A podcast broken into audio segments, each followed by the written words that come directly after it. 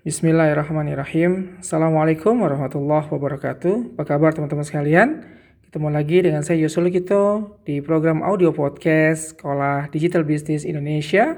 Dan hari ini saya mengambil tema jangan bikin sampah ya di Facebook Anda kira-kira gitu.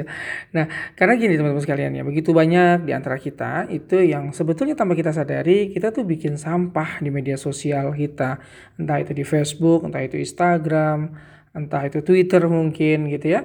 Dan khususnya Facebook nih yang akan kita bahas hari ini nih gitu ya. Nah, teman-teman sekalian, um, tahukah Anda bahwa status Anda, konten Anda itu bisa bernilai jutaan loh, bahkan ratusan juta, kira-kira gitu ya. Kok bisa? Iya, karena sebetulnya kalau kita gunakan Facebook kita gitu ya dengan konten yang terstruktur dengan kita buat dulu konten kalendernya gitu ya. Kemudian kita juga mempelajari juga tentang funnel marketing bisnis online. Kemudian kita juga sama-sama mempelajari tentang bagaimana caranya bikin call to action di Facebook yang bagus, yang tepat gitu. Apalagi kalau teman-teman sudah mulai naik kelas untuk mempelajari Facebook Ads gitu ya. Bagaimana sih bikin konten di Facebook Ads yang benar, bagaimana rulesnya, kan banyak sekali policy dan rules yang diberikan oleh Facebook, apalagi di Facebook Update 2020.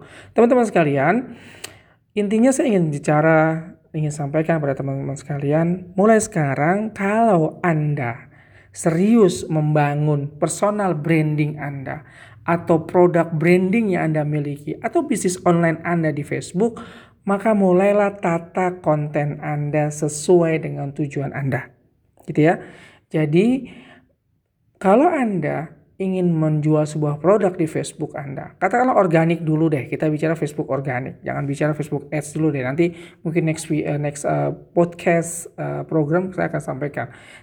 Kalau organik Anda ada tata dengan cukup baik gitu ya, kontennya Anda buat serius untuk membangun sebuah produk Anda, maka itu bisa menjadi closing dan jadi jutaan rupiah dan itu gratis loh gitu ya. Bagaimana caranya? Satu, Gunakan konten yang secara umum diterima oleh semua target Anda. Kenapa? Karena kalau di organik Anda nggak bisa tuh memilih-milih target.